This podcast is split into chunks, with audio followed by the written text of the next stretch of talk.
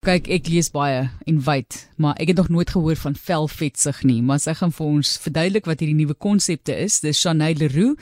Sy is 'n volhoubaarheidskundige in die skoonheid en gesondheidsbedryf en sy is die eienaar van Green Spa Africa. En ons praat bietjie oor velvetsig, skin fasting en slow beauty, soos hulle dit noem. Ons gaan maar mooi woorde daarvoor moet uitdink ook, maar baie welkom aan jou Chanay. Interessant om in die nuwe jaar nuwe terme ook. Mense dink alles is al uitgevind, né? Ja, hallo Martelies en um, ook aan jou luisteraars.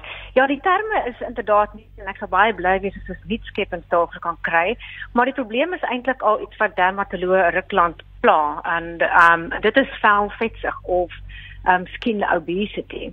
En dit is eintlik maar um, presies dieselfde as gewone vetsig en dit is wanneer 'n persoon blootgestel word aan oormatige of wanvoeding. In hierdie geval natuurlik nou net jou vel. Dit is interessant want jy praat van velvetsig, maar ek het net nog altyd gevoel iemand wat eintlik 'n bietjie meer om die lyf het, se vel lyk altyd beter want daardie vel stoot ook mos nou maar die die lyntjies uit nê nee, of is ek verkeerd? Hulle sê mos altyd jy moet kies tussen jou ag dis op 'n redelike kras manier gestel. Ek gaan dit nou nie so stel nie, maar jy moet kies tussen jou gesig en jou boude, sê hulle altyd. Eh, ja. Ehm um, hierdie is ek maar maar ek meen wanneer ons hier praat van velvetsig, dan gaan dit nou eintlik oor jy, jy hoe jy jou vel voed. Goed. Ehm um, en die produkte wat jy daarop gebruik. OK, goed.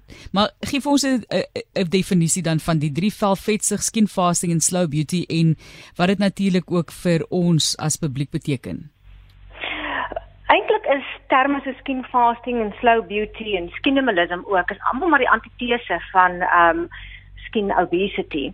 En wat verkeerd gegaan het is ehm um, dat ons inderdaad heeltemal meer produkte op ons selle gebruik as wat nodig is. Nou marknavorsing wat gedoen is wys dat vrouens oor die algemeen tot 12 verskillende skoonheidsprodukte op hulle vel gebruik per dag. Nou dit klink nou nogal baie, maar as jy kyk na jou velroetine in die oggend en in die aand en ook in ag neem al die gremering wat jy aansit um, per dag en soms is dit meer as een keer 'n dag. Nou kom ons baie vinnig by 12 produkte uit. En die produkte vervat ongeveer 160 verskillende chemiese elemente en dit is nogal baie. Mans vaar 'n bietjie beter. Hulle gebruik omtrent so 6 verskillende produkte met omtrent so 70 uh verskillende chemiese bestanddele. Nou dit dit oorweldig jou vel heeltemal. Ehm um, ek het toevallig 'n interessante statistiek raak gelees, ehm um, wat as jy nou agneem dat jou vel jou grootste orgaan is en dat een van sy groot funksies is om eh uh, produkte te absorbeer, dan ehm um, is die statistiek waarvan ek nou gepraat het dat vroue soms tussen 20 en 30 kg lipstiek in hulle lewenstyd as 'n ware eet. Ehm um, dit is dit is alwys baie.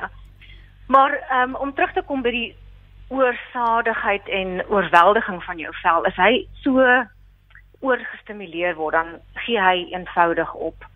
En hoe dit dan lyk vir ons is velle wat baie sensitief is en ons sien dit baie deesdae, velle wat aanhoudend geïrriteerd is en 'n vel wat nie eintlik in staat is dan om enige van die voordele te benut wat ons hoop ons velsorg dit bied nie.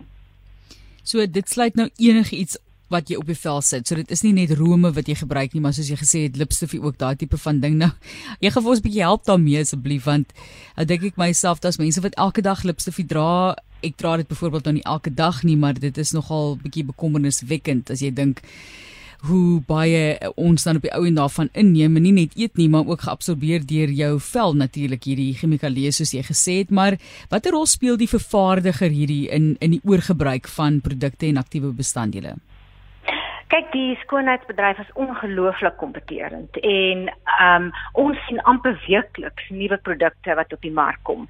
Ek weet in daar ehm um, daar't nie van skoonheidshuise wat nie ten minste een keer elke seisoen met 'n nuwe reeks of selfs 'n nuwe produk vorendag kom nie. En wat dan gebeur is dit word ehm um, geadverteer aan die verbruiker. Ehm um, daar word aan die verbruiker gesê dat dit nuwe bestanddele is, nuwe formulasies.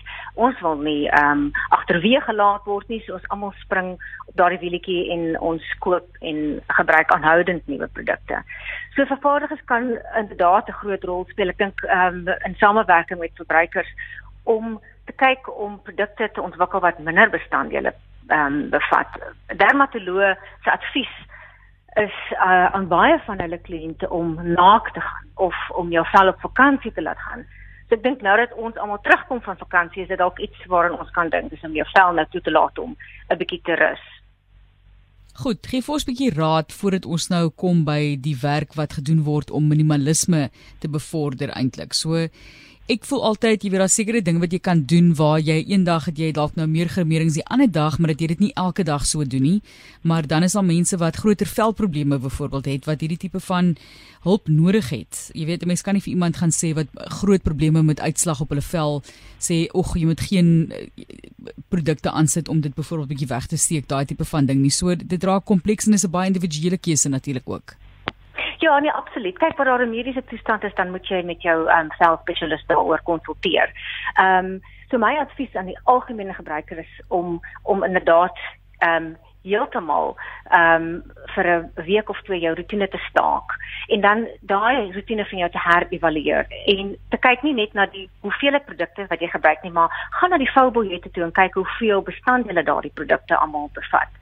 Ehm um, en, en en dan krities te kyk of dit werklik nodig is. En ehm um, daar is al soveel vervaardigers wat inderdaad al positiewe stappe daaroor geneem het. Ek sal vir jou 'n paar voorbeelde gee.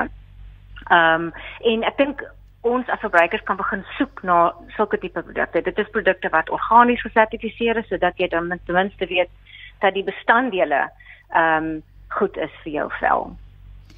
Net op ons kan op 'n later stadium dalk met jou gesels oor organies teenoor nie organies daai tipe van ding en die ja. feit jy weet ons almal wil gesonder leef maar as dit kom by jou vel wil jy ook hê daai vel moet vir so lank as moontlik mooi wees. Kom ons wees nou maar eerlik daaroor. Dit is tog die balans wat ons probeer vind daarsof en kry nie altyd die balans nie. Besluit maar net jy doen dalk iets wat nie noodwendig vir jou goed is nie, maar my vel gaan goed lyk. So ek weet nie of jy dit baie hoor nie. Ja, maar ek dink ek dink ons moet ons vel vertrou. Jou jou vel is eintlik ehm um, in staat tot baie omself. Ehm um, ek dink ons moet ons vel die geleentheid gee om sy doel te herontdek. Ehm um, en vervaardigers weet dit ook. Ek ek kan sommer nou vir jou ehm um, vertel van ehm um, wat 'n paar handelsmerke ehm um, se nuwe slagspreuke is. En dit is ehm um, you deserve and your skin deserves less. Ehm um, die ander een wat ek ook gehoor het nou die dag is rewild your skin en dit het nou weer baie te doen met jou vel se natuurlike bioom. Ehm um, dis eintlik 'n klein ekostelsel op sy eie wat ons geneig is om sommer te stroop ehm um, en dan van voor af te probeer opbou met ehm um, met produkte terwyl hy eintlik sy job baie goed self doen. So so van die wat van die vervaardigers doen is, is om reekse te vervaardig wat ehm um, nie meer as 6 produkte het nie en uh, kan jy glo net tussen 2 en 3 bestanddele. Nou wat ek gewoonlik gebruik as 'n voorbeeld, ehm um, is wanneer jy kyk na 'n baie goeie gesonde suurdeegbrood. Ehm um, dit het nie meer as 3 bestanddele nie. Dit is water en sout en meel. Uh en dit dit ehm um, al die voeding wat jy nodig het. En ek dink presies dieselfde geld ehm um, vir ons selle. Nou wat ehm um, wat vir my vreeslik interessant is om te sien is daar produkte wat nou vervaardig word wat ehm um, verdroog is. So jy kry nou self tandepaste tablette. Daar is selfs rome wat in gepoeierde ehm um, vorm beskikbaar is en dit ehm um, beteken dat daar nie so groot behoefte is aan preserveermiddels nie want dit hou natuurlik langer as dit in 'n droë toestand is. Ehm um, so dit is dit is alles ons geweldig interessant en wanneer ons kyk na beweging so slow beauty, dan gaan dit natuurlik net oor ons en ons selle nie, maar ook die impak wat dit op die omgewing en ons planeet. Ehm um, dan kyk ons na verpakking wat hergebruik kan word of wat ehm um, dit biologies afgebreek kan word byvoorbeeld ook. So dit is 'n hele beweging om te kyk na minimalisme. Ehm um, gebruik net dit wat werklik nodig is vir jou vel. En jy weet het 'n paar tree terug en soos ek gesê het, gee 'n vel 'n kans om homself te herontdek.